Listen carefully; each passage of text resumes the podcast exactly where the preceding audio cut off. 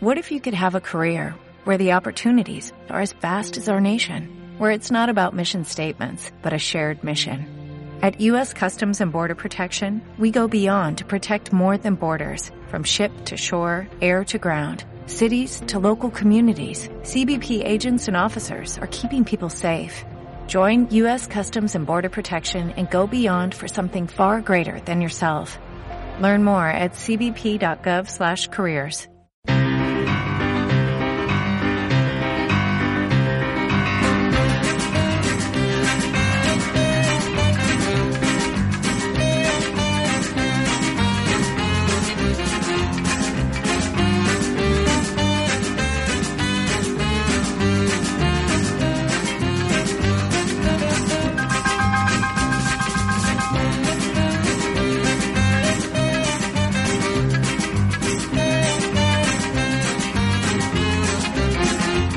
Gel patrocinat pel Pap Xauxa. Molt bona nit a tothom, sigueu molt benvinguts a una nova edició dels Manatís a Terra, a l'espai radiofònic que cada divendres, a partir de les 11 de la nit, us convida a acompanyar-nos en un viatge per les zones de ràdio de poc més d'una hora d'humor, d'actualitat, d'entreteniment i de conversa que podeu seguir en directe des d'ara mateix a la sintonia de Ràdio Manlleu al 107.0 FM i a internet des de radiomanlleu.cat, l'espai a la xarxa de la Municipal 107.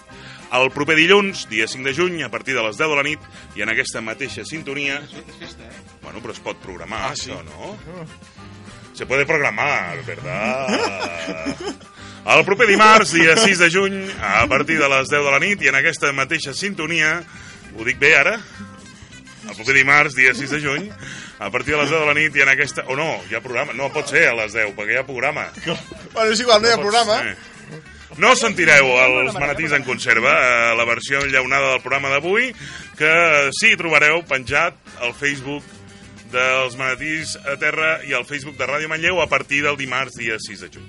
Per fer-ho tot plegat possible, des de fa 171 edicions, comptant aquesta, es fa com sempre imprescindible la presència de la colla dels manatís, els mamífers aquàtics molt fans de Moix. Manuel Moix, per si algú es creia que ens referíem al Terenci, no digues que no fue un sueño, deu haver pensat el Jack Fiscal en Cap Anticorrupció, que s'ha vist obligat a cessar de les seves funcions arran de la descoberta de la seva participació al 25% en una societat offshore amb seu a Panamà. La única activitat de dita societat no és més que la propietat d'una casa en una població madrilenya valorada en més de mig milió d'euros. Manuel Moix, el fiscal anticorrupció que feia el joc a Ignacio González, el que va haver de rebre el suport públic del fiscal general, del ministre de Justícia i fins del president del govern per les seves actuacions eh, dilatòries en les investigacions del cas Lezo, Lezo, ha resultat ser un pinxo. I això que era el màxim responsable de perseguir les trampifolles de tots els altres, aquest. Però, és clar, en un país presidit per un lerdo com Mariano Rajoy no pot esperar-se menys que això. Molt bona nit, Roger Delgado. Què tal? Bona Què tal, nit. què tal tot? Bé, eh? Sí, ja s'acaba això, eh? Tres telediarios. Comptant aquest. Comptant aquest. Bueno, bé, Manlleu Bueno. és maco. Ha plogut molt avui. Ha plogut Ha un- plogut, i eh? Ha plogut. Un doll d'aigua. Hi ha hagut un moment que estava a casa i dic, collons, com renten cotxes els cabrons. I jo allà aguantant, aguantant el tipus. Però bé, setmana correcta, sense, sense gaires mogudes manlleuenques, No, com és, sol ser normal. bueno, com més... Com havíem enganxat darrerament, Sí. eh? Que entre el pont, les desfilades i... Ui, la desfilada. Ui, la desfilada. Encara porta cua? Estic No ho desconnectat. sé, no, no crec. No, No, sembla que ja, ja van matar-ho aquí. Ja està, no? Fins la pròxima, suposo, Sí, o fins que s'inventin alguna altra cosa. No, no, ja vam dir el què per la pròxima. Exacte. Ja està clar. Sí, sí. A més, hi ha aposta, eh? Hi ha aposta? Hi ha aposta al ple, eh? Què vols dir? Eudal Celerés va comprometre a desfilar amb banyadors si les xinxes també hi participaven. Alerta. Alerta! Atenció a la dada! Què és? Us espanteu, eh? Eh? Hi ha susto, eh? Jo l'estic usant la. Molt bona nit, Gerard Arimany. Què tal, com esteu? Què Bona nit. tot? Molt bé. Preocupats, preocupats. Uh, preocupats? Sí, per les notícies que venen dels Estats Units, ja sabeu que Trump ha decidit marxar del pacte de París. Ah, bueno. Sí. Això tindrà, pot tenir conseqüències, conseqüències funestes. En fi, veurem. A més a més, és, és curiós perquè la seva filla l'apretava perquè no marxés Sí. i fins i tot les petroleres estaven d'acord que no marxés. Del... Sí, sí, tot i això, clar, Bueno, ha decidit uh, marxar. en fi. Per lo de més, Tot bé, tot correcte. fantàstic. Ai, sí, és que... El control de so i de qualitat. Molt bona nit, Gigi Moral. Què tal? Molt bona nit. Tot, tot bé? Tot, tot, tot, tot Sí, sí, sí, tot, Hola, tot. Gigi. Bastant correcte, bastant correcte, Bastant eh? correcte. Bueno, I també hi ha una mica dolgut també i trist tot perquè Manel Sala finalment abandona el Manlleu, eh? Va Oi, Manresa, eh? Deia que plegaria el Manlleu i finalment ha fet eh, una porta d'atrás i me voy a Manresa. No, no. a Manresa. Sala. Sí, sí. I a més es trobaran, eh? Primera catalana, aquestes coses, i bueno, ja hi haurà veurem. pique. Hi haurà pique, perquè Tona em sembla El que de també s'ha salvat. Hi haurà duel emocionant. Qui, qui, se sap qui farà els partits de, per, per part de la ràdio? Mm, No encara. No, No encara, encara. no encara, no encara, no sé. Des d'aquí vull votar Enric, Enric Gil. Sí, però Enric Gil em sembla que està més lluny que... Enric Gil està... No, està per aquí. Ja està per aquí, però Ah. està molt Està, de... molt teatre, està molt teatre, eh? No, està molt de nit, està molt nocturn. Què dius, ara? Sí, per Barcelona, molt És un nocturn. ignorant. És un ignorant. És un eh? ignorant, No, Exacte. a més a més això... En fi, uh, per lo de més, tot bé, Gigi? Sí, però bé, una setmana estranya, eh? De calor, fred, humitat, eh? i- S'ha fa mal. Humitat. De fet, hi ha dos manills, em sembla que estan una mica perjudicats, eh, d'aquest tema. Sí, sí, jo els aires condicionats... Eh... Jo vaig bé, no sé qui és l'altre, però... No, no, jo bé, també. Jo és que l'he vist amb mocadors abans, també. Ah, pues- Ah, no, però això és l'al·lèrgica. Ah, vale, doncs així només un. Molt bé. I qui us parla, Didac Jalabert, que també vull saludar-vos ben i ben cordialment. Ué! Avui, a més a més, als Manatís comptem amb la presència d'un jove multidisciplinari usonenc. Aquesta nit visita en directe el plató número 1 de Ràdio Manlleu, un filòsof que treballa en un CRAE de Taradell i en una escola de Ceba, i que apareix en tertúlies televisades o televisives de les vesprades ataronjades locals. Ara mateix ens acompanya en Guillem Gallifa, apassionat dels contes i de la poesia i de moltes altres coses seves. Molt bona nit, Guillem. Molt bona nit. Ostres, entre aquesta presentació i aquests aplaudiments ja m'he quedat sense paraules, escolta. Moltes gràcies per venir, en primer lloc. Gràcies a vosaltres per convidar-me. Guillem o Guillem? És, és un debat. És un debat. Eh, a veure, em pots, em pots tornar a repetir que no he apreciat la distinció? No, home, Guillem amb B tancada o Guillem amb B oberta. A la Amb B, Barcelonina... amb B. Amb B, amb B segur, A home. Osona, a Osona en ve, fora d'aquí. Guillem, a fora, eh? el- Els de Can Fanga diuen Guillem. Molt bé. Uh, doncs, Guillem, ets filòsof. Sí, Doncs sort que t'agraden els contes i la poesia. Eh? Perquè em temo que en matèria de filosofia els manatís naveguem a la deriva. Uh, I treballes al CRAE La Serra de Taradell. no, el CRAE el vaig abandonar al gener. Carai, has Sí. d'actualitzar el teu perfil de He d'actualitzar el meu perfil de Facebook, que ja que comentes al Facebook estic molt il·lusionat, Per què? perquè acabo d'identificar en Gigi Moral Oliva, Mm. Ara que has dit el cognom, que estava fart de veure'l per allà al Facebook, que persones que quizá conozcas, amb 50.000 amics en comú, Hòstia, a no em i passava, just eh, ara però. que has dit el cognom, no et passava? No, no, no, no. Això és el motor de busca de Facebook, que ja Que saps que ens volia, Zuckerberg ens volia, sí, ens volia unir d'una manera o altra, eh? Eh, Jo no et sento. Què t'he de sentir per una sola orella? No, no sé. Fa Sí, ara sí que et estrany. sentia per aquesta orella. Ah, Llavors sí? és un problema de. Ara sento un magasero. Ah, espera. Un magasero. Uh, no, tot. És culpa de... Tot és correcte, eh? Bueno, així que ja no treballes al CRAE. Això ho canvia tot. Pues tinc, que, tinc que refer una miqueta quatre coses. Ah. Ara torno, eh? Va, res, 5 minuts. Ahir a l'escola tampoc, a I l'escola... a l'escola tampoc, vale. doncs guaita. Sí, sí, reconec que a nivell laboral el perfil de Facebook el tinc zero És correcte, el actualitzat. filòsof és correcte? És correcte. Vale, Sí. vale, això sí. Molt bé. I les tertúlies televisives Això també. sí. Eh? Això encara es manté, de totes maneres podem tocar els temes eh, d'escola i CRAE si resulta oportú, això. No, home, ens preguntem què hi fa o què hi feia un filòsof en un CRAE. Doncs el Expliquem filòsof... què és un CRAE, primer, Sí, no? un CRAE és, és l'acrònim de Centre Residencial d'Acció Educativa Mm? i són eh, centres on s'acullen menors que per diversos motius no tenen la tutela parental o perquè són immigrants i hi ha els pares al país d'origen. Els motius són diversos, eh? en tot cas estan allà en un centre on hi ha una acció educativa integral i també doncs, dormen allà, tot i que estan escolaritzats i tenen sortides, etc etc. A grans trets seria això. I quina feina hi feia un filòsof en un Què CRAE? hi feia un filòsof en un CRAE? Doncs el filòsof encara s'ho pregunta. Bueno, però, com a bon, si el filòsof s'ha d'anar preguntant coses. Sí, Però sí. deu tenir algunes respostes, no? Sí, bueno, el que va intentar aquest filòsof en qüestió, en el meu cas particular, va ser, òbviament, a la tasca d'educador, que és pertinent a qualsevol, a qualsevol persona que estigui allà, i en el meu cas, doncs, clar, cada educador hi porta una mica del seu bagatge. En el meu, doncs, era doncs, que en la mesura del possible es qüestionessin tot l'ordre establert, a vegades era una mica contraproduent que els ensenyen aquestes coses, però, bueno, aportar el meu granet de sorra filosòfica en els, en els joves que estaven allà i donar-los recolzament en tots els aspectes, això, per descomptat. Clar, perquè quan, quan, quants nanos hi han al CRAE de la Serra? Per? Allà aproximadament una vintena. Una vintena Sí. de nanos. I, I quin és el temps mitjà d'estada de cada nano en un lloc així, en un CRAE? Clar, Depèn de eh, cas o... Depèn, depèn molt de la casuística. Clar, i depèn molt també de l'edat d'ingrés. Clar, n'hi ha que per els motius que sigui entren amb 15 anys, eh, quan ets major has d'abandonar el centre, aleshores si estan 3 anys n'hi ha que, mira, hi ha una situació difícil a nivell parental que és momentània durant un any, si estan només un any o uns mesos i marxen, aleshores no, no està regularitzat, no hi ha una temporada que dius, ostres, estipulada. Depèn de cada cas. Depèn de cada El que cas. queda clar és que quan tens 18 anys has de sortir Sí, d'allà. sí, sí, exacte. Sí, sí, és, és exclusivament per menors d'edat. Molt bé. Uh, del que hi feia un filòsof en un CRAE, en parlarem amb en Guillem durant l'entrevista d'això i de moltes altres coses. Abans, però, si sembla, passem a la tria de notícies. Endavant.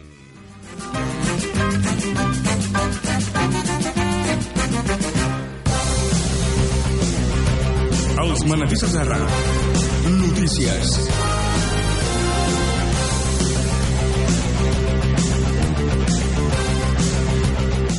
Doncs va, comencem les Lliga de Notícies aquesta setmana i comencem parlant d'un cara dura, eh? O del mateix Manuel Moix, Sí.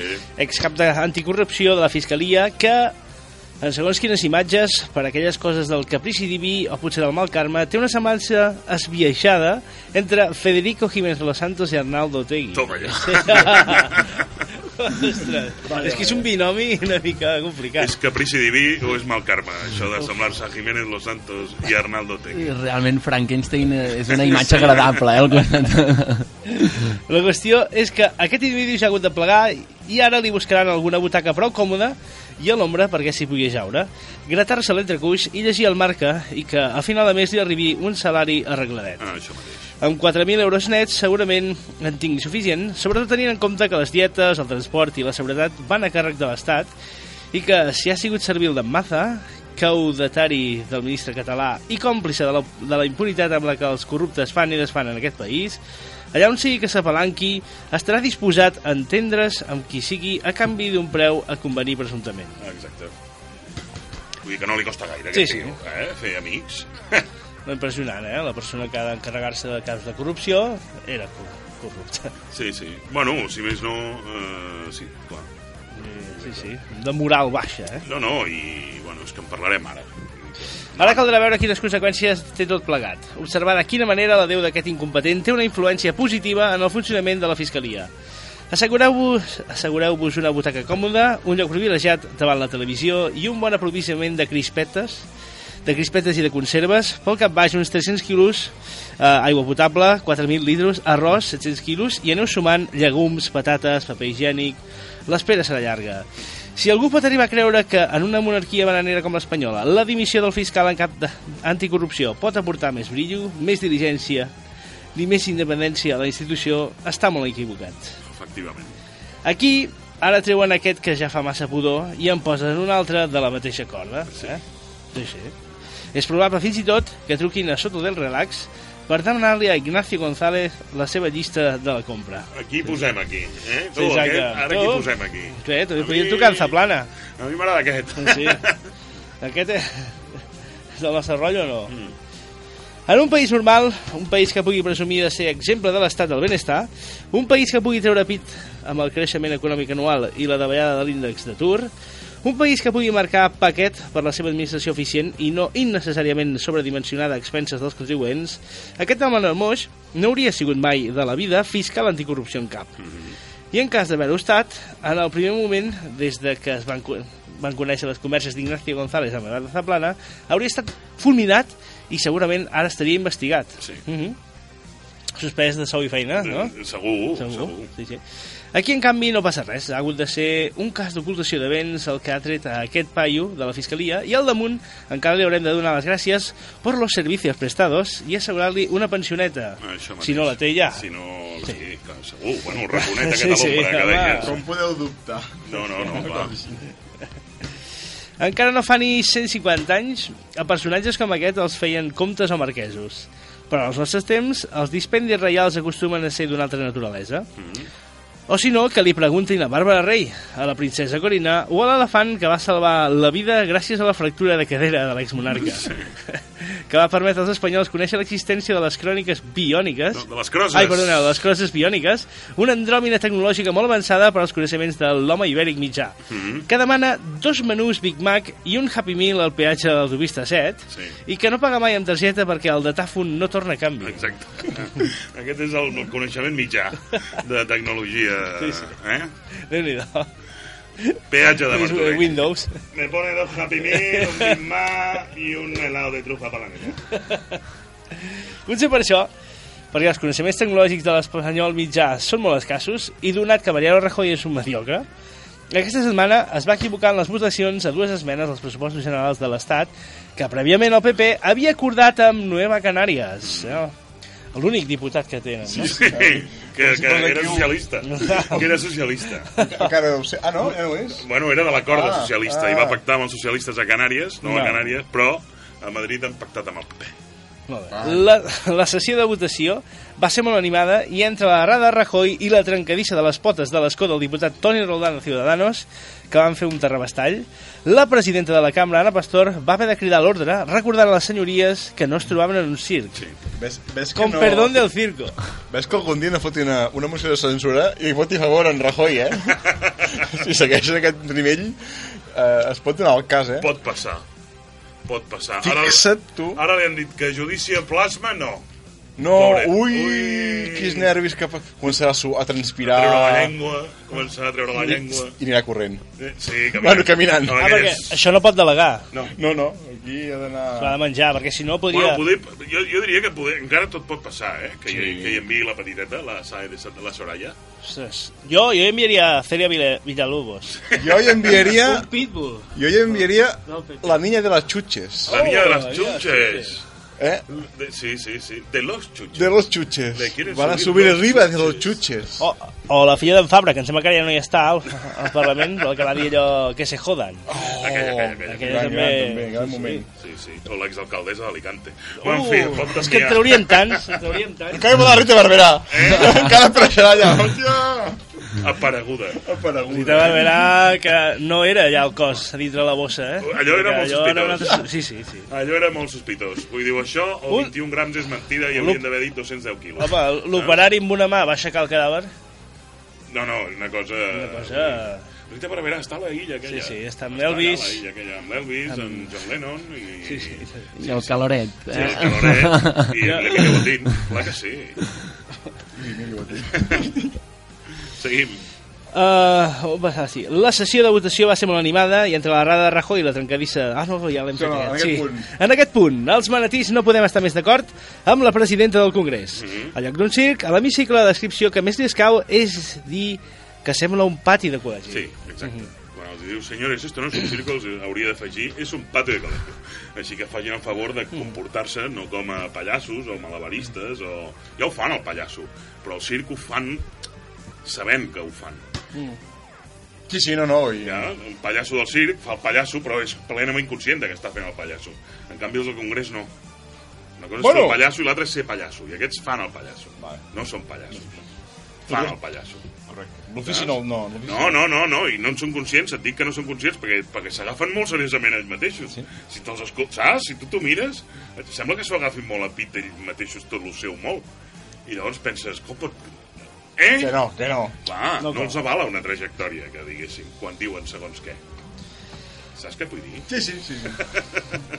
Per il·lustrar millor que de cap altra manera el que és Espanya, portem una notícia protagonitzada Ai. per un personatge que ha revolucionat el món de les relacions públiques. Mm. Algú amb una trajectòria meteòrica per convertir-se en un futur no gaire llunyà en representant d'Espanya Eurovisió.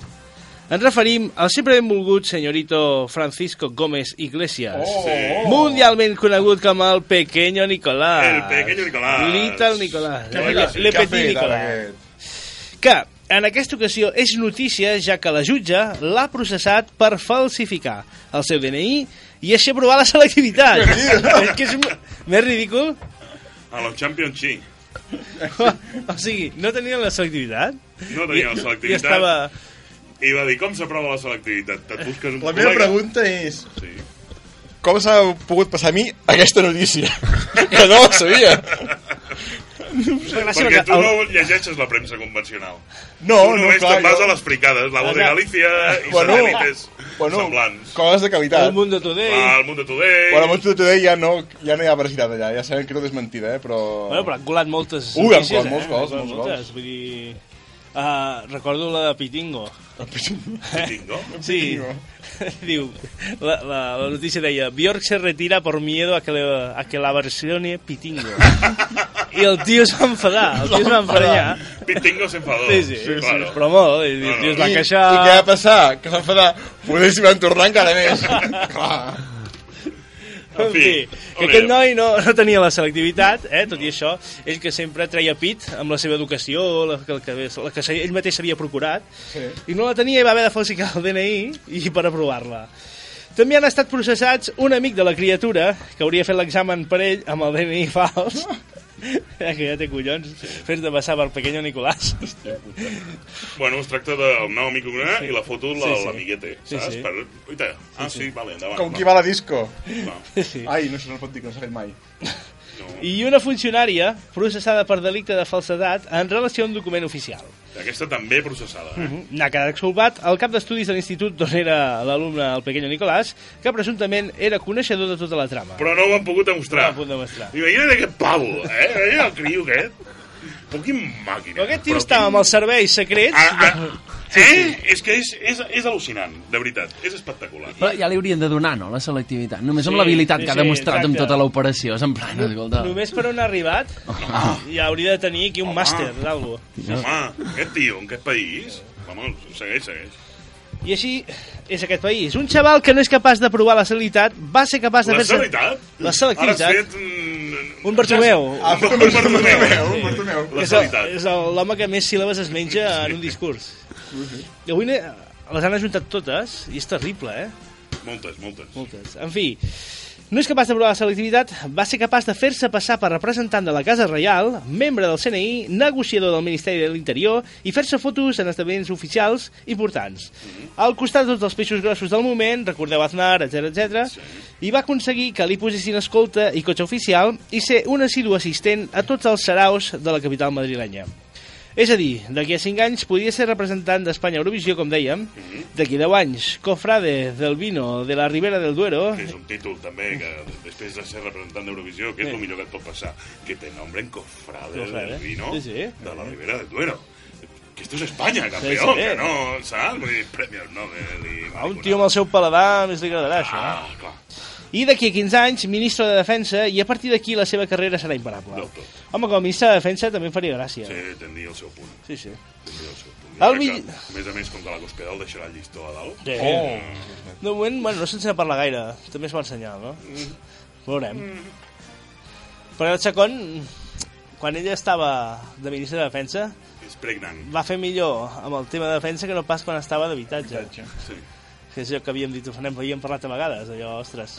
Sí, perquè com que a més a més li van sopegar amb l'embaràs, no se'n devia ocupar gaire, i llavors no ho va Les hormones. Ai, que no es pot dir... Ui, que és emocionant, eh? Que és ai, emocionant. ai, ai. En fi, seguim, va. El millor per tothom en aquest cas és que Telecinco li faci un reality show a aquest nano, El que ja amb algun ja n'ha participat, i que es tituli El primer espanyol en anar a la Lluna. Sí.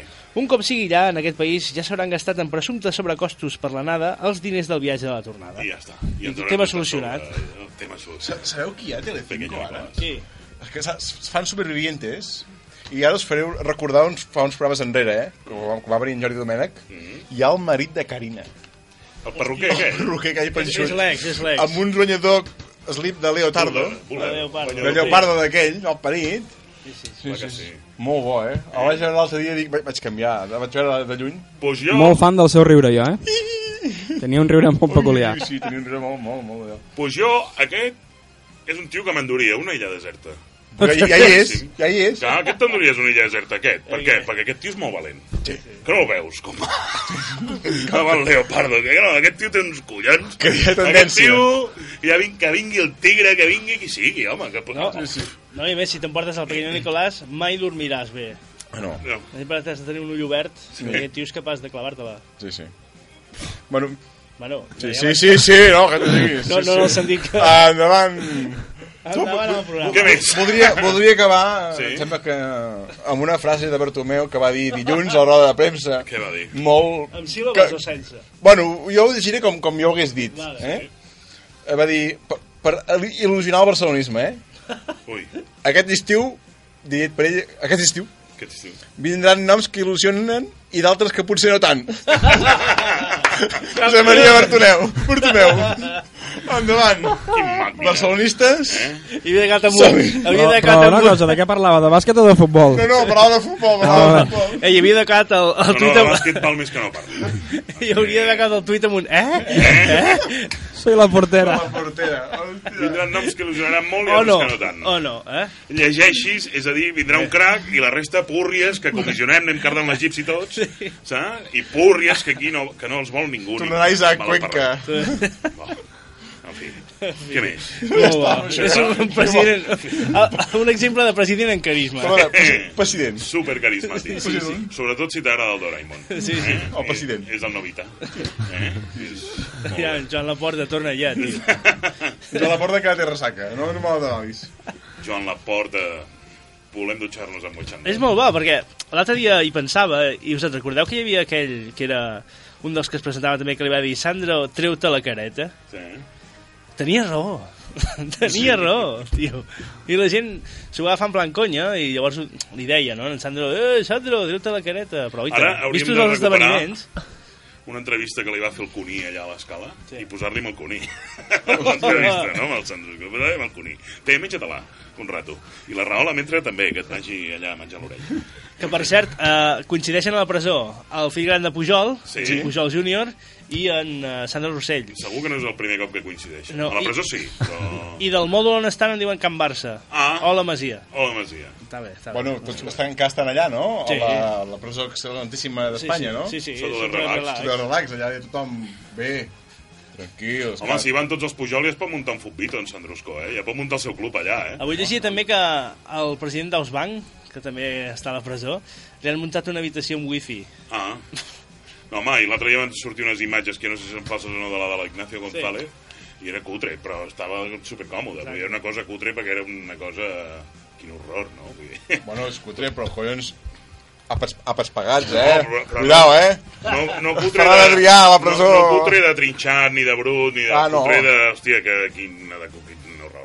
De, de prestatges i de però un senyor sofà... Què vols dir? un Vinta, senyor- vintage. Bueno, tot molt blanc i Ah, com fòrmiques i coses molt rares. No sé, una cosa com molt futurista cutre.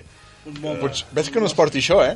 Amb aquesta que gent. No, sí, sí, sí. Clar, tu no ho saps, no, no, soc, no d'aquest nivell social ni econòmic. Em va semblar que era molt... Saps com els mobile homes o la Rolot? Sí, per dins? ah. Suposo que ho fan així, poder perquè no tinguis tanta sensació de falta Va, d'espai. van en mòduls, Però- eh? Sí, suposo. Van encaixant. En fi, què més de notícies? Ja està, fins aquí les notícies Fins d'aquesta aquí les setmana. notícies, doncs passem a l'entrevista, Gigi.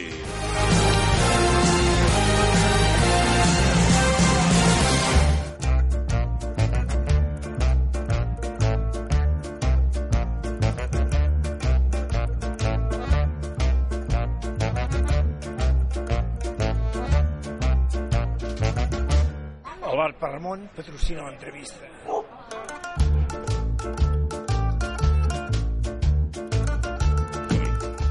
Doncs, com us anunciàvem a l'inici del programa, avui ens acompanya en Guillem Gallifa. Molt bona nit de nou, Guillem. Molt bona nit. Eh, ens explicaves quina és la tasca que fa un filòsof, bueno, o que fan els educadors, no? En aquest cas, tant si són filòsofs o... En un centre residencial d'acció educativa. Uh, que és l'acrònim de... Sona potentillo, de, eh? de CRAE. Eh? I, i per, per una vintena de residents que ens has dit que hi havia, quanta gent hi han treballant? Quina, quan, quanta gent forma l'equip d'educadors, per exemple? Doncs hi ha una ràtio de com a mínim 3 per torn, perquè, és clar això representa que és assistència 24 hores, Sí. i n'hi ha d'haver, doncs, com a mínim 3 sobretot a la tarda, que és el torn on els nanos estan més... Al matí n'hi sol haver un, dos, també tres si s'escau, però la majoria com que estan a l'escola, i a la nit sempre dos, que simplement estan amb ella i si algun, algun jove es troba malament o té algun un tipus d'urgència, doncs estan allà a nivell assistencial. Bé, clar, l'educació obligatòria en aquest país és fins als 16 anys. Si hi ha un neno de 16 anys que no vol seguir estudiant, què fa dels 16 als 18? Uh, doncs no en tinc ni la més remota idea. No us heu trobat mai en aquest cas. No, no, clar, habitualment, a veure, se'ls posa a fer algun tipus d'activitat eh, intel·lectual, per dir-ho així, encara que sigui fer un PQPI, que se'n diu, o fer algun tipus de formació ocupacional, però alguna cosa han de fer, perquè, esclar, és que si no, eh, lo tenemos crudo, no? No, no, segur, segur. Uh, i, I en un lloc com... a- Mira, ara que no hi treballes, encara serà més sentit, això. En un lloc com un CRAE, es realitza realment aquesta taxa, ta, acció, tasca d'acció educativa? Sí, aquesta pregunta me la fas amb el micro obert? Eh, Tela, no? A veure, és complicat. És complicat i moltes vegades entre el que es voldria fer, el que es pot fer i el que et deixen fer, eh, saps què vull dir? Bé, podem parlar d'una... d'inser- No, no, no diria reinserció, segur, però sí d'una inserció, o tampoc és el terme adequat, exitosa. Aquests nanos necessiten inserir-se a la societat o no? És, és, és l'objectiu, eh? És l'objectiu principal, ho has definit perfectament. Eh, no es pregunta des d'un des d'un CRAE, igual que des d'una escola ordinària, no es pregunta si és convenient o no inserir-se en aquesta societat, o si és més convenient eh, anar-se'n a Panamà, per dir, per dir un país qualsevol, eh? Sí, sí. Però, bueno, en tot cas sí que és l'objectiu. És l'objectiu fer-ho d'una forma el més exitosa i saludable, si és que es pot inserir en aquesta societat de forma saludable, el més saludable possible. Perquè, no, jo pregunto perquè segur que hi ha qui no deixa de preguntar-se si no és un lloc on tenir-los allunyats dels conflictes, i prou, fins que tenen 18 anys i legalment ja no te n'has d'ocupar. I no ho sé, eh, si alguna vegada pot ser que algun usuari o algú que hi treballa pugui tenir aquesta sensació de dir al final estem aquí eh, subjectant aquestes fieres fins que tinguin 18 anys i quan tenen 18 anys els diem apa, ja ets legalment grandet, espavila't. Hòstia, tio, ara saps que m'estàs fent pensar? No ho sé, no? Pregunto. T'ho puc contestar a un altre programa? Ah, és possible. És possible que alguns casos que ja la inserció és verdaderament complicada sigui així, eh? Sigui en plan, bueno, mira, tenim el tutelatge, se'ns mana això des, de, des del govern, per tant, el tenim aquí, fem el que podem sabent que no pot ser gran cosa i als 18, tu, legalment nosaltres ja no ens hem de responsabilitzar, doncs eh, tira milles, el que seria. Però s'intenta s'intenta sempre en la mesura del possible que això no sigui així, eh? De realment inculcar-li, si no pot ser això una escolarització formal, almenys uns valors actitudinals i això, en la mesura del possible, fer-ho.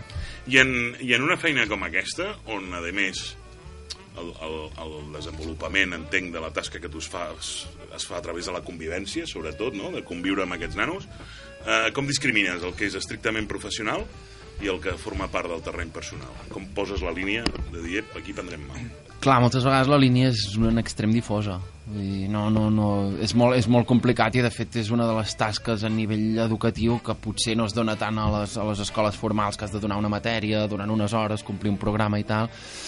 És complicat, és complicat i per això hi ha moltes reunions perquè, és clar, d'educació i més quan ja no és educació formal, cadascú té la seva idea, no? I allà som un equip d'educadors, però clar, cadascun vol pintar l'educació del seu color i posar-nos tots d'acord a vegades eh, implicava un treball eh, més voluminós i més prolongat que no l'acció que després fèiem amb els nanos.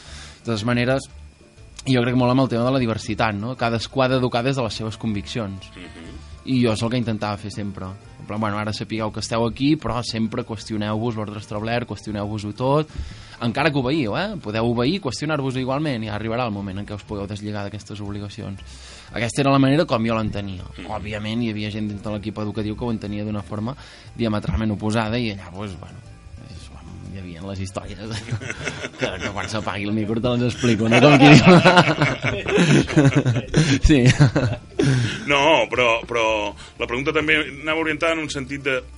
Entenc que segurament en molts casos o en moltes ocasions per fer bé aquesta feina de, de, de suport o d'acompanyament t'has d'implicar molt emocionalment no? amb els usuaris d'un lloc com el CRAE i, i això, i fins a quin punt dius, bueno, aquesta implicació va més enllà del que és professional i aquí estic jugant en un terreny no? que, que, Bueno, no sé si m'explico. Que, Sí, sí, sí, perfectament. Que penses, hòstia, eh, bueno, per fer bé la feina necessito implicar-m'hi molt, però si m'implico tant, saps? Vull dir, això, al final això és feina, no? Sí. Vull dir que, que, que entenc que, i no vull que soni molt egoista, però entenc que és molt saludable tenir molt clar el que és feina del que no ho és, eh? Jo, com a mínim, em sembla que és molt saludable. És molt saludable a nivell funcional, estic totalment d'acord, i a vegades eh, si, si t'emportaves alguns problemes a casa, però fixa't que jo soc més de l'opinió de Patch Adams, no sé si heu vist la pel·lícula Patch Adams, basada en, el, en un metge, bueno, ju- just s'ha mort ara, em sembla que es va morir l'any passat, eh, irònicament s'ha mort abans el Robin Williams, que és el que l'interpretava a la, la pel·lícula, i és un home que es va llicenciar amb tots els honors en medicina i va obrir un hospital en què es dedicava a curar exclusivament a través del riure i veu que va curar inclús allò, coses una mica bèsties, eh? I era un home que, ell, ell deia, jo sóc el boig que creu que el, el riure ho cura absolutament tot. Doncs jo penso que sí que és, en aquest cas particular, amb altres feines definitivament no, però en aquest cas particular la implicació emocional és en extrem positiva, en aquest cas particular. Per què? Per això que comentàvem ara, eh? perquè la línia divisòria entre professional i personal, quan es tracta d'educació i quan es treballa amb persones, a vegades, en segons quins contextos, millor deixar-la al marge, saps? I sobretot per què? Perquè la majoria d'aquests joves estan molt mancats d'afecte. A vegades han tingut una figura parental absent, directament, com per exemple molts que van arribar doncs, del Marroc, amb patera i tal, amb, amb una edat doncs, doncs, molt, molt primerenca, Sí. i en aquest sentit sí, sí perquè ho veus que ho necessiten, mm. ho necessiten. Però evidentment dins de l'equip educatiu també hi havia els que pensaven que no, que no sé què, que no sé quant. I quan es pagui el micro allò... no, bueno, això, en aquest cas particular jo estic a favor de la implicació emocional. Sí. Sí. Bueno, i creus que és favorable per, pel nano, que al final, per l'usuari, que al final és el que es tracta, no? Sí, sí, sí, perquè tots són persones, igual que el Patch Adams en un moment de la pel·lícula aquesta del Robin Williams també ho diu, no? Uh, està, quan està en pràctiques, el, el protagonista en qüestió, el que li porta les pràctiques, el gerent de l'hospital, li diu no t'has d'implicar emocionalment. I ell li diu, ostres, i diu, i per què no? No, s'ho qüestiona, diu, per què no? Diu, si són els pacients, i jo sóc el metge, dic, jo he de saber quin estat emocional està, i no només, o sigui, atendre mecànicament a la, a la sang i prendre-li l'atenció com si fos exclusivament un ens corporal, no? I ell s'ho qüestiona i jo m'ho vaig, vaig fer una mica meu. Però reconec que també té la seva contrapartida. Sí, sí. A saber, què és la seva Ui, contrapartida? ui, ui, ui, tens una. També micro tancat. Va, i a l'escola Farigola de Ceba què hi feia un filòsof? A l'escola, doncs, també encara s'ho pregunta, no. a l'escola Farigola de Ceba feia de monitor.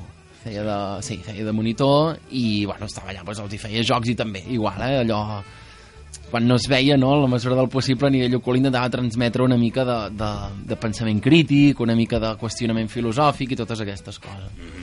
No, no sé si són dues feines que es retroalimenten, no? Treballar en una escola i treballar en un CRAE, en el sentit de dir, uita, dues experiències completament diferents, què puc aprendre aquí que sigui aplicable allà, o quin, què veig aquí que allà sigui digne d'explicar com per entendre que hi ha altres realitats o que no. Doncs sí, sí, és, és talment com ho dius. Uh, són, són dues maneres d'educar i de tractar amb joves radicalment diferents perquè les situacions són radicalment diferents.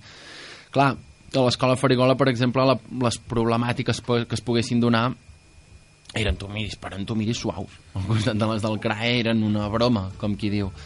Aleshores sí que, sí que jo intentava una mica fusionar els dos mons, en plan fer veure en els joves del CRAE que, bueno, que podien haver arribar a una situació així i els de l'escola Farigola, escolta, saps que ho podríeu tenir molt més negre del que ho teniu. Sí, sí, sí. No, això segur, no?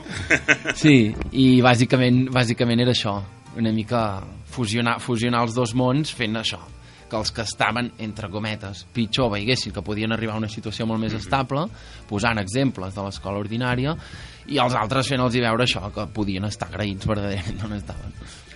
Sí, de. Sí, sí, sí, eren, eren mons molt diferents. Sí, sí, sí. Sí, sí. Segur, segur que sí. Molt bé. Uh, llavors, Guillem, explica'ns una cosa. Ai, Parlem de la teva faceta de tertulià televisiu. ai, ai, Ai, ai, ai, ai. Isabel, puc trucar a la Isabel? Com ho diu la trucada? Tinc una pregunta. Primera pregunta és, Israel Campos és Jorge Javier Vázquez de Canal Taronja? Ho fa tot? Puc fer el comodí de la trucada? Ho fa tot ella? Pues no ho fa tot ella, eh? Sorprenentment, jo quan vaig entrar a l'espai en qüestió em vaig pensar que la trobarien ella sola, allò corrent d'un cantó a Sí, sí, l'altre, no, no. i... I no, no, hi ha més gent. Bueno, menys mal, menys mal. Són, com els, de, els, els, de, sí, els, els del Pare Noel, Sí. els, els follets Els aquells, aquells. sí, els elfos aquells que fan la feina oculta i que no es Ai, veuen, bueno. doncs té uns quants follets allà, sí, sí. Bueno, em tranquil·litza per la seva salut. Sí. Ara vas fer la pregunta seriosa. No, sí, superseriosa. Uh, doncs surts a la tele, el canal Taronja, parlar de filosofia. Parlar de filosofia a la tele i nosaltres ens pensàvem que era una cosa que semblava destinada única i exclusivament a Fernando Sánchez Dragó. Ah, Sí. m'ha flipat, m'ha flipat abans quan he vist el guió que, ostres, m'ha flipat perquè jo verdaderament sóc un gran fan eh, de Fernando Sánchez Ha Dragó. vist el guió abans de començar. Això, la culpa no és meva, eh? La culpa no és meva. L'he vist d'esquillada, eh, passant per allà i dic, oita, Fernando Sánchez Dragó. És que nosaltres... Fernández Sánchez Dragó? Bueno, quan sóc fan en el sentit de que Té, té una part de personatge, no?, diguéssim. En el sentit de que posa molt el coneixement i a l'abast de la gent tot el tema de tradicions antigues i aquestes Aquest no és el que coses. tenia la capacitat d'absorbir un litre d'aigua pel cul, no? No. Era la tela aquest, oi? Aquest era en tela. Vale, vale.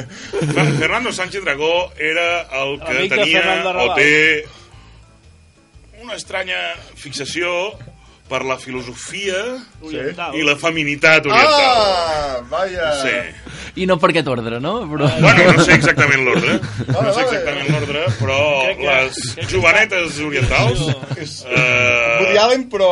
Ah, exacte. Ara. Ah, exacte. Vale, vale. És una mica Woody Woody Allen Allen. procés aquesta relació de parentesc. Vale, no, no, mantenim-la Exacte. diferent. Vale. Però Sí, espera, però no les adopta abans. No, no Directament s'hi casa després. Vale, vale, vale. Sí. Ah, però espera, és que jo d'això no en tinc cap coneixença, eh? Espera, espera que igual està a punt de perdre un fan i no ho sap, eh? No, Woody Allen Woody va, Allen- va adoptar una filla, Mia Farrow, Sí.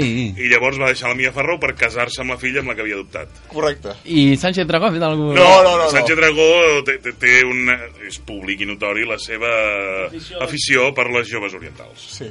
És una cosa que I, i, I també ho deixem aquí, no? Sí, sí, sí. Ai, ai, que em sembla que perdrà un No, no, fan. no. Per, li penso dir pel Twitter, xaval, estàs a punt de perder un fan. Fora de micros jo no t'explicaré res més perquè desconec si hi ha res més darrere Vale, d'això. De que simplement... Vull dir, jo, si tens la sort de parlar amb Sánchez Dragó, parla-li de Fernando Raval, sisplau. Del milenanismo. parla-li del Li milenanismo. parlaré del El Milan. milenanismo va aixecar. Ui, va, Va, va aixecar. cojones ja. Bueno, com és això? Com, com és que parles de filosofia a la tele, Guillem? Com va? Doncs circumstàncies ben, ben singulars. Perquè jo amb en Sergi Pérez, que és el director de, del centre, que és una escola de, de meditació de Vic, uh, un dia ens vam trobar i vam decidir organitzar algun, un esdeveniment filosòfic amb participació ciutadana a Vic. Mm. Li vam posar de nom Passarel·la Sòcrates i ho vam fer al Temple Romà l'estiu passat. I, bueno, teníem unes expectatives bastant, bastant humils i moderades i va ser un èxit bastant, bastant rotund. I arrel d'això, doncs, la Isabel ens va trucar, ostres, uh, veniu aquí a parlar-nos de la passarel·la, tal qual, no sé què. I bueno, vam anar allà, vam parlar de la passarel·la i li vaig agradar i al cap d'un mes o així em va, em va trucar i em va dir escolta, mira, tinc una proposta per tu que et semblaria tancar el de tot i més amb una secció de filosofia molt d'estar per casa, eh? perquè és filosofia molt d'estar per casa de fet dura un quart d'hora encara no la secció setmanal i jo li vaig dir, hòstia, no sí. li vaig dir, hòstia, no, perquè a mi l'anonimat ja m'està bé i penso que una, bueno, manies, manies de filòsof, eh? que una paraula quan la deixes anar ja no te la pots tornar a ficar a la boca Ets esclau, ets esclau. Sí, un, un és esclau d'allò que parla i senyor d'allò que calla, no? I, i hòstia, li vaig dir que no. I va, home, va, i allò anar-me convencent, i, i ja et donaré pastes i esmorzar quan vingui. Sí, sí, com, com, com, com la iaia, saps? Allò, va, vine, vine, rei. I, i bueno, em va convèncer a fer el primer programa, perquè llavors cada setmana m'havia de convèncer, perquè jo li deia, no, no, no vull fer cap... I quan vam superar la, la, diguem-ne l'equador de 3 mesos vaig dir, bueno, va, saps què, ara ja, ja acabem, i de fet ara acabem a finals de juny, tota la temporada, i això és la llavor del que ha estat les, les filosofades. I, i, i, i, i, com, com, sí, i com dius que anava Sí. això de, de, de la passarel·la Sòcrates? Sí, sí, de fet, eh? del setembre fem la, la segona, l'havíem de fer ara al juny, Però exactament que, que, és molt senzill. Sí, és molt senzill. Es tracta de que tots els assistents, és, és gratuït, és un esdeveniment gratuït, i tots els assistents han de venir amb l'únic requisit de portar una frase, un aforisme, una sentència breu, que sigui una mica colpidora, o que ells els hagi allò remogut una mica, o que hi trobin allà un contingut uh, potent. Llavors, uh, posem com si fos la Cibeles, no? d'aquí el tema de passarel·la, posem el públic a una banda i a l'altra, bueno, públic que també són els participants, i al mig posem una passarel·la, Mm. i llavors doncs, la gent es planta allà davant, rotllo, saps com... fan la desfilada... Sí, es planten a davant del micro, La diuen la frase, tornen allà i seuen. Sí. Un cop s'han dit totes les frases, es sotmeten a votació popular entre els mateixos Un assistents. referèndum. Un referèndum. Escolta, hòstia, hòstia. un referèndum. Cuidado, eh. Si farem un estatut filosòfic al final. I es sotmeten a votació i la que surt guanyadora es posa davant. Però es voten totes al final? Ah, ja no com te'n anava? recordes de la primera. Ja És veritat, no... com anava? Clar. Com anava? Heu tenir pissarra. Ara no me'n recordo. I sóc l'organitzador, eh? Ara Van, treus, un van. tuit, com si fos el concurs de mates del NBA, Vas com Eurovision, amb punts. amb points. Amb points. Que, però vas donant. Vas donant punts. Vas Un punt aquí, tres punts doncs aquí. Jo li dono un punt amb aquest. Ara, suggerències, suggerències Jo- que la pròxima Jo edició... faria igual com el concurs de mates a la NBA, NBA! NBA. Que no, no vas dir NBA. de, de la NBA. Ah. És igual. NBA. Pissarreta i... ACB no pot ser, no? i, i anar jutjant cada un. Perquè si no, si ens fan 15, quan has escoltat el 15è, i ara votem-los tots, i penses que quin era el primer, quin era el segon. I votes a voleo, com, Sí. el, com al Parlament, eh? Clar. doncs, uh, no, sí que anava quan la deien, Sí. s'aixecaven mans. És veritat, s'aixecaven mans i així a ojos vistas feia allò, ostres, una valoració. Sí. I Com allò... l'equip del Barça, que van amb castellets de colors. Sí. Ah, I llavors l'última això es posava a debat. En el cas de la que vam fer l'any passat va sortir una d'Einstein. Sí.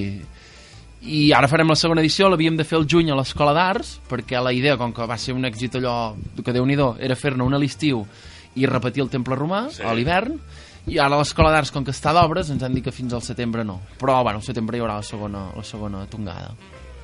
Guaita. Passarel·la Sòcrates, tu. Sí, que és tot xulo, eh? Eh? Perquè és que així la xinxa. Per què? Si no és passarel·la, desfilada, ja diran alguna cosa. Ah! Vigileu, eh? Clar.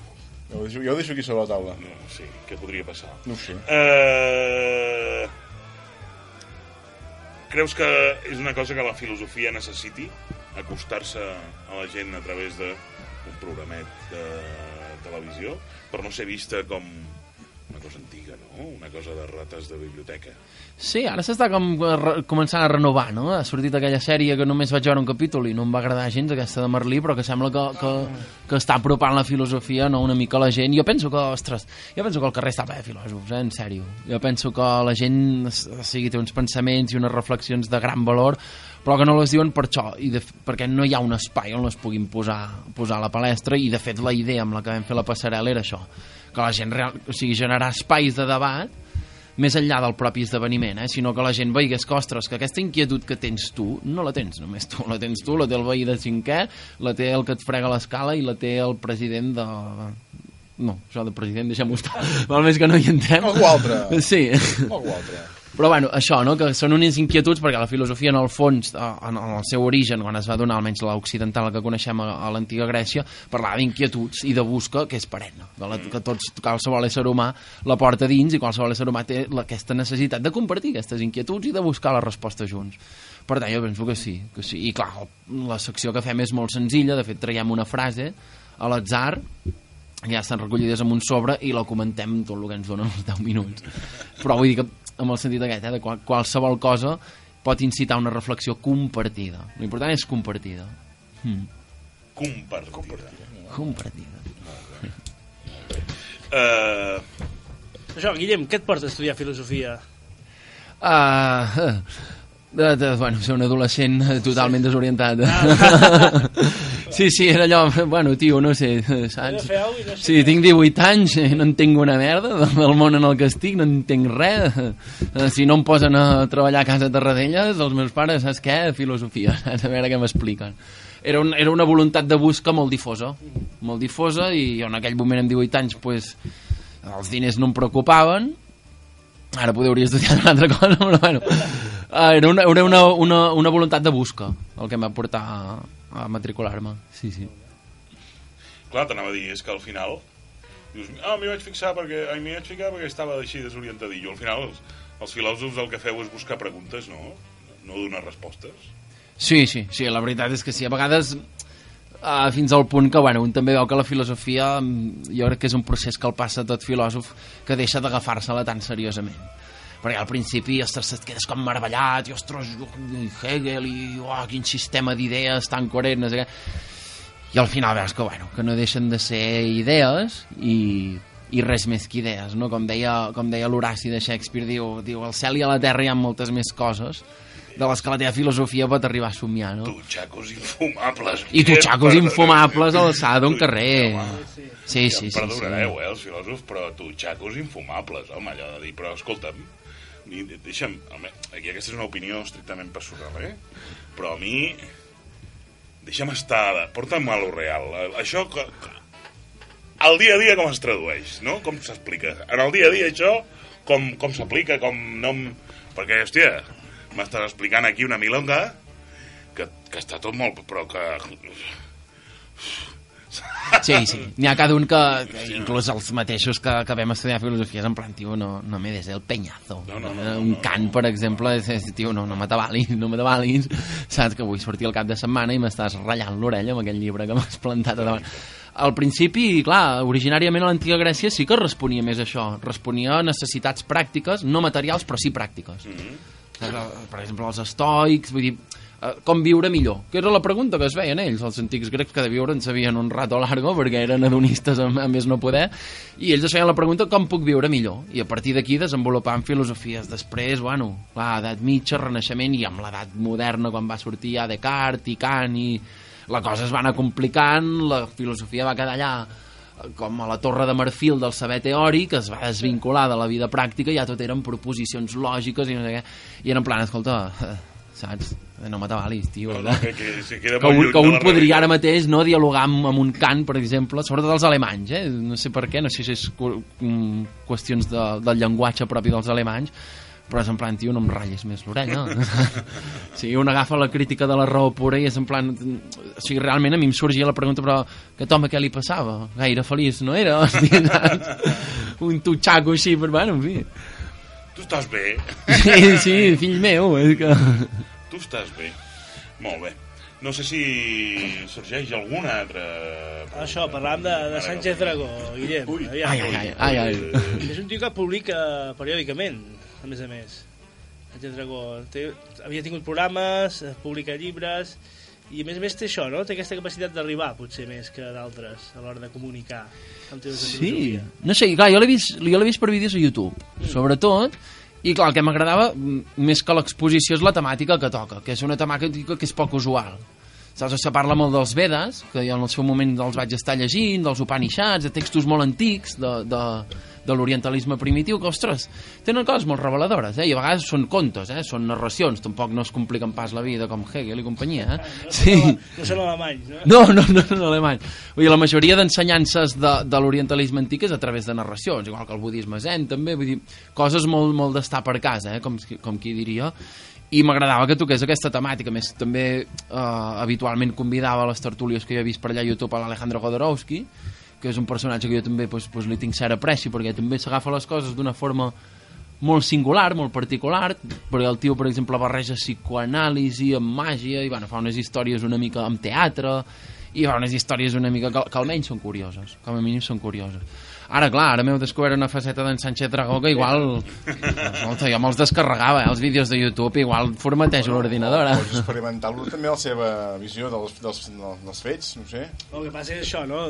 Darrere del filòsof, clar, també hi ha la persona Com, com, a, i, i té, com tothom té les seves coses. com, a, com a filòsof, Guillem, eh, què et sembla la, la, la, la, la invasió subtil o no tan subtil que darrerament patim de literatura d'autoajuda? Ui, la Ui, guerra ui, civil, ui, ui, això. ui, ui, ui, tio, ara m'has més. espantat, eh? Què et semblen aquells missatges filosòfics del No, YouTube? no, Paulo Coelho. O, de, o, del Facebook, Paulo Coelho. o del Facebook. En plan, no ploris perquè les llàgrimes... No, si plores perquè Sí, les llàgrimes no et deixen Ven, ven, veure ven, que se la sabe. Ah, el no. sol, Sí. Ah, no et inventar, permetran bàsicament. veure les estrelles, no Sí, sé, sí, quina... sí. Eh, No ploris perquè les llàgrimes mullen, no? Coses d'aquestes. Sí, no? Ara em pensava, és com redundant, no? Bueno, Ah, sí. No. Tu, tornem a l'autoajuda, millor. Els grans filòsofs són les paletes, des d'allà dalt. Eh! Morena... eh, que llegir no ens faci perdre l'escriure i aquestes coses. No, no, no, a, lo que anàvem. Va, va, llibres d'autoajuda. Vamos, vamos, vamos. Ah, jo penso que li literatura d'autoajuda, com qualsevol altre tema, n'hi ha de bona i de dolenta. El que sí que és veritat és que, bueno, ara hi ha una publicació massiva que està fora de tota mesura, no? Sí. De fet, no ho sé, potser vaig a la biblioteca o vaig a una llibreria i em trobo que, hi ha un, que he escrit un llibre d'autoajuda i no ho sé. saps? Vull dir, Sí, sí, algo molt bèstia. Està molt massificat i avui en dia qualsevol s'hi anima a escriure d'autoajuda. No ho sé, n'heu llegit algun, vosaltres? La veritat és que no. Sencer no, clar. El 9-9 t'ajuda a, a, a, a veure't millor. Bueno, que, bueno, Home, sí, no, és veritat. Jo, jo un. Ah. Excel para tontos. Ah, I ah, sí, Excel que, para que, tontos. que no em va anar gaire bé. Però que me, me, me, li vaig fer un esforç allà. Per... Sí? sí, sí, Excel para tontos. Bueno, està bé. Jo dec ser més tonto que els tontos pels Que quals... no em va anar bé. que No, no. Bueno, per això hi ha- una recomanació que és buscar-ho a YouTube. Sí, el, el Que hi ha el tutorial. típic, sí, hi ha el, El típic tutorial. persones de Sud-amèrica que t'ho explica molt bé. Però eh, el tema està una mica aquí, saps? Ah! No, no per res, eh? Però no entens. I sobretot, Clar. sobretot, dale like si t'ha Le gustat. das al jamajito, güey. Le das al jamajito, güey. Però, però tu què vols estàs, dir? estàs parlant del país més filosòfic del món. Argentina. Argentina, Oh, Argentina. Sí, que tots són filòsofs i dentistes. Per I psicòlegs. Psicòlegs. Psicòlegs. Parlaríem de Jorge Bocay com el màxim exponent, no? Oh, D'això que sí. estem parlant. Oh, Van de bracet, no, amb en Coelho? Bucay, Coelho... Jo veig que sí, veig que sí, tot, tot i que jo ara, ara hauré de fer un exercici d'honestedat que igual, igual eh, se'm, se'm tira tot el món a sobre, però jo alguna de les novel·les del Paulo Coelho trobo que són bones. L'Alquimista jo la vaig trobar una novel·la bastant... Jo, jo faig un exercici d'honestedat, ja dic que ara tinc por de que em tireu la, la birra No, al cap, no, eh? no pateixo. Però del Paulo Coelho ell, jo els he llegit tots, et diré que els cinc últims no valen res, i jo, em, jo em suposo que han set exigències editorials, perquè inclús no semblen, ni- no semblen ni seus, però els primers, els primers jo el considero un, un bon escriptor amb la definició que ell mateix dona d'escriptor que és algú que sap transmetre d'una forma clara i abastant al màxim de lectors les, les idees que vol transmetre. I en aquest sentit, les idees seran més complexes o més tontes, però que les ha sabut transmetre, jo crec que d'això ningú en pot dubtar i els números estan allà, eh, de, de temes superventes. Ara, clar, literatura d'autoajuda, és que més ja és redundant, no? Ja, si ja m'ajudo sol sense el llibre, no? Vull dir, si és autoajuda, escolta, tu... Però sí, no, i perquè al final, no, vull dir, moltes vegades literatura, no sé, la gran conclusió, no? Bueno, és una obvietat. Això, al final, això que estàs explicant, no? Tanta, tanta comèdia, tanta volteta, tanta... Eh? I al final, per dir aquesta obvietat, però això no serveix per res, saps? Hòstia, que- com pujoleges, no, tio! però és veritat, és veritat, eh? Com... Eh, di, eh, cunyeta, Tanta eh? cunyeta, tanta... Eh, això és res, res. No, no, no. No, però Jordi. Pujol, filòsof català. No, però és veritat, tio, aquest llibre, no sé, tanta volta cap aquí, tanta volta cap allà, tant... Oh, ah, i, i, uh, i, saps? I al final penso, bueno, per, per dir-me que, jo què sé, blanco i en botella, doncs vale, pues, bueno, pues, pues, no sé, francament, eh, vull dir, pues gràcies, no sé, eh, vull dir... eh, Al final el que s'hauria de fer és un llibre d'autoajuda per com deixar de creure en els llibres d'autoajuda. Saps? Oh! Aquest llibre d'autoajuda que s'ha de fer. Com deixar de creure en els llibres d'autoajuda. I fer aquest llibre, ja, doncs, doncs, doncs mira, doncs deixa que la vida t'arribi, deixa que la vida per- et porti cap a aquesta conclusió. No cal que llegeixis un llibre, home, perquè al final te'n descuidaràs, saps? Te n'oblidaràs i et quedaràs la nata igualment, i llavors ho aprendràs. Serà com no ho aprendràs aleshores. Quan deixes quedar la nata, ho aprendràs. Per molt que el llibre t'ho hagi dit 70 cops, a la pàgina 50, a la pàgina 110, a la... pà- Tant és, tant és. No, anava a dir a la pàgina 200, però no acostuma No, a no tenir crec- 200 pàgines. En el dibuix no, de la ja pàgina- amb 100 ja és infumable, doncs amb 200, imagina't. En el dibuix de la pàgina 2... A més, a més, A més. que si ets una mica llest Sí. i fas llibres d'autoajuda, si Sí. ets una mica intel·ligent, no en fas un de 200 pàgines. No, fes En fas un ara de 100 i d'aquí un any un altre de més de 100 més. Por, Amb el mateix nom i- i haurà más. La segunda parte, saps? Oh, clar. Home, sí, clar, clar que sí. Clar, clar, clar que sí, guape. Ah. Sí o no? sí, sí, sí, sí. No, no, la mina, de, de, la mina hi és, la mina hi és, per això hi ha tanta penya explotant-la, sí, sí. I és el que dius tu, eh? I això ja, ja no des de l'autoajuda, sinó des de la filosofia també, eh? Ja, ja era Picasso que ho deia. Diu, un filòsof diu una cosa simple d'una manera complexa i un artista diu una cosa complexa d'una manera simple. A vegades passa, eh?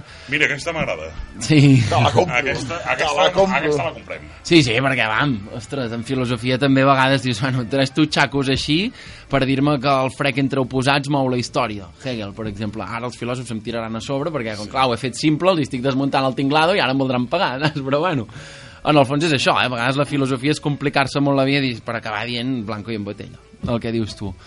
Bueno, és, bueno, és una forma d'entreteniment com una altra. No? N'hi ha que fa sudokus, n'hi ha que fa tres totxos de 500 pàgines per acabar-te dient el que et No, podria no, no, dir... no, no, sí, cuidao, l'exercici de filosofar en el sentit de, de, de hòstia, ocupar la teva ment, a intentar desentranyar, no? I a intentar buscar un sentit, i a intentar des, del, del què i del per què, i d'on venim, i cap a on anem, i tot, tot, tot, tot això em sembla fantàstic, saps? Però bueno, però després, intenta, vull dir, hòstia, tant temps pensant, no m'expliquis tota la línia de pensament, anem a les conclusions directament. Anem a les conclusions. T'explicaré una anècdota que és de la vida de Kant, i és Sí. real aquesta anècdota. Aquest senyor no, no, no és el que no va sortir mai del seu poble? No va sortir mai de Königsberg. Ah, no, veus? però és, però, I se'l ridiculitza, entre altres coses, unes perquè mai va sortir de Königsberg, però veuràs que aquesta anècdota que t'explico, el fet de que no sortís del, teu, del seu poble és algo que inclús el dignifica. Uh, de jove va tenir una proposta de matrimoni, Sí. Kant. I ell li va dir a la, a la, a la noia del poble en qüestió, li va dir, escolta, eh, m'ho he de pensar. Això és real, eh? Això encara que sembli d'un altre planeta, això és real. Doncs Kant es va presentar 17 anys després, la dona ja estava casada, estaven fills i tot a casa, amb una missiva bastant voluminosa, de diversos fulls, i, dir-li i li va dir a la dona, li va dir, mira, eh, he estat tots aquests anys reflexionant sobre la proposta que em vas fer, Diu, i al final he trobat els mateixos motius per dir-te que sí que per dir-te que no. Per tant, mm, aquí tens l'explicació. Això és real, eh? Sí, sí. Eh, fins a quin punt a vegades els innava la olla en els col·legues. S'avorrien. Eh? Aquest s'havia d'avorrir, però el que no està escrit s'havia d'avorrir, ja m'explicaràs. I la dona, bueno, la dona sí que hauria d'haver escrit un llibre. la dona sí que hauria d'haver escrit un llibre amb la reacció, encara que fos una carta de tres pàgines. Jo sóc aquella, cap de 17 anys obté la resposta. Amb el seu fill adolescent ja. Sí. I qui era aquest? Sí, mamá, ¿quién es este hombre? Tengo miedo. Sí, Kant no va anar ni a la capital del seu país. No va anar ni a Edimburg, no. No, no. no en principi no hi ha constància de que sortís d'allà. I també hi havia molts temes dels rellotges, que em sembla que sempre estava mirant el rellotge. Bueno, un neuròtic en tota regla, aquest collons. Sí, sí, sí, sí. sí, sí. Molt bé. Guillem, ens has dit que t'apassionaven els contes i la poesia. No hem parlat ni de contes ni de poesia, però, però ha estat un enorme plaer poder comptar amb tu aquesta nit. I per mi també està aquí. Moltes gràcies. A vosaltres. Anem a l'internet o què? Som-hi. Va.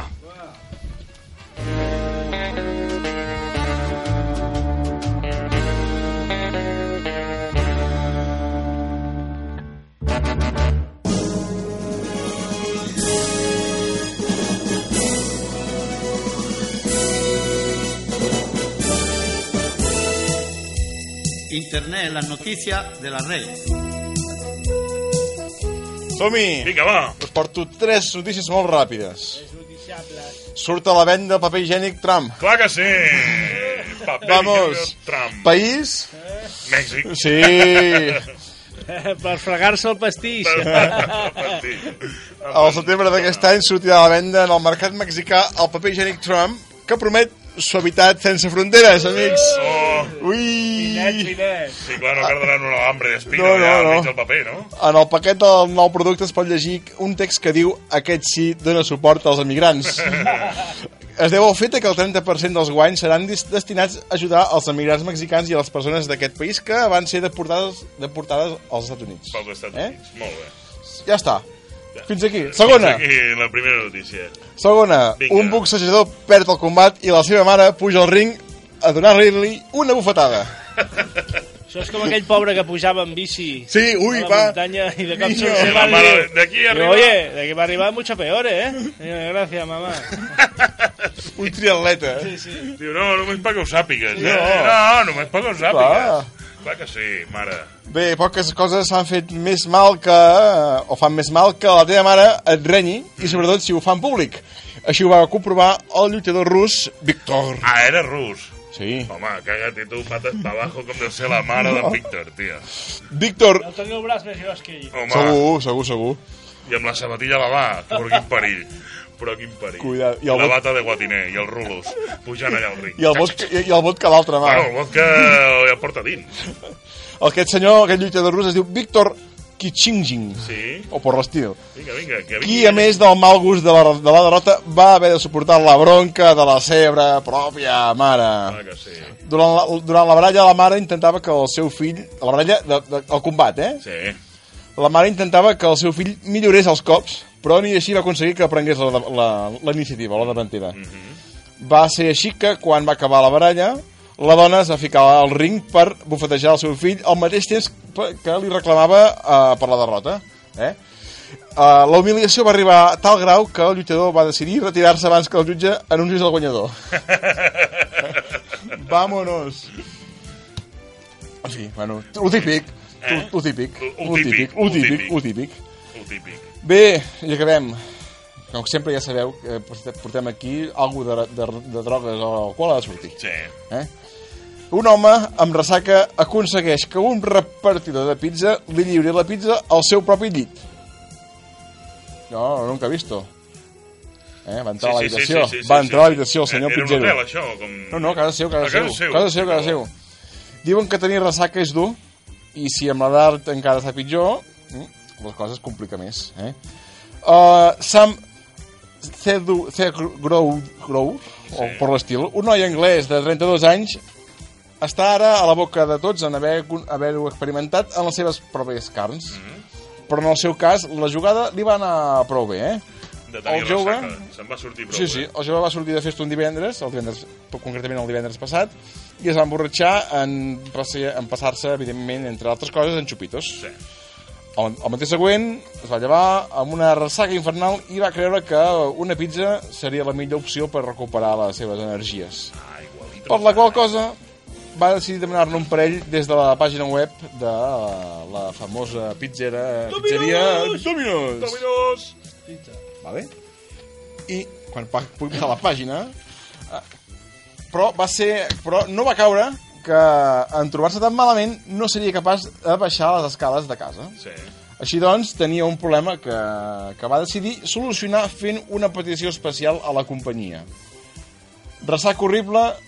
Això devia fer com a observació, eh? Sí, sí, sí. Ressaca horrible. Punto. La porta està oberta. Punt. Si us plau, pugeu-me-la. Dit i fet, el repartidor, de, el repartidor de les pizzas les va deixar als seus peus del llit. Eh? I tot i que el noi va explicar a través del seu Facebook poc després que el mal d'estómac no va deixar menjar res més que un petit tros de, de les pizzas. Una còmica escena que ha fet gràcia a la xarxa i s'ha convertit en, un, en el nou viral d'aquesta setmana. Eh? Una foto on es veu uns peus amb un llit i per la porta de l'habitació el pizzero, El pizzero. amb les pizzas. Però això ho van reproduir, eh? No era el moment exacte No, en home, directe, vull pensar que no. Que ho van reproduir. Vull pensar que no. Molt bé, què Espera't més? que te saca una foto. Res més, fins aquí les notícies d'internet Fins aquesta aquí setmana. l'internet d'avui. Gerard, amb qui ens acomiadem avui, aquesta nit? Va, marxem una banda de, que es diu Pure Love. Teen Love? No, Pure Love. A Pure Love? Pure Pur Love. amor. I el tema es diu Beach of Diamonds. Pure Love. Beach of Diamonds. De puta. No, beach, platja de Ah. diamants. Platja de diamants. Doncs amb aquest eh, platja de diamants de pure... Pure love, eh? De Amor pur. pur. D'amor pur. Nosaltres ho deixem. Per aquesta setmana. Ha estat, com sempre, un enorme plaer. Molt bona nit, Roger. Bona nit. Bona nit, Gerard. A reveure. Bona nit, Guillem. Bona nit. Bona nit, Guillem. Bona nit, Guillem. Uh, nosaltres hi tornarem el proper divendres, dia de 9 de juny, a partir de les 11 de la nit, a la sintonia de Ràdio Manlleu, al 107 FM, aquí, als Manatís de Terra. Fins llavors, recordeu que ningú té dret a impedir-nos que intentem ser feliços. Bona nit.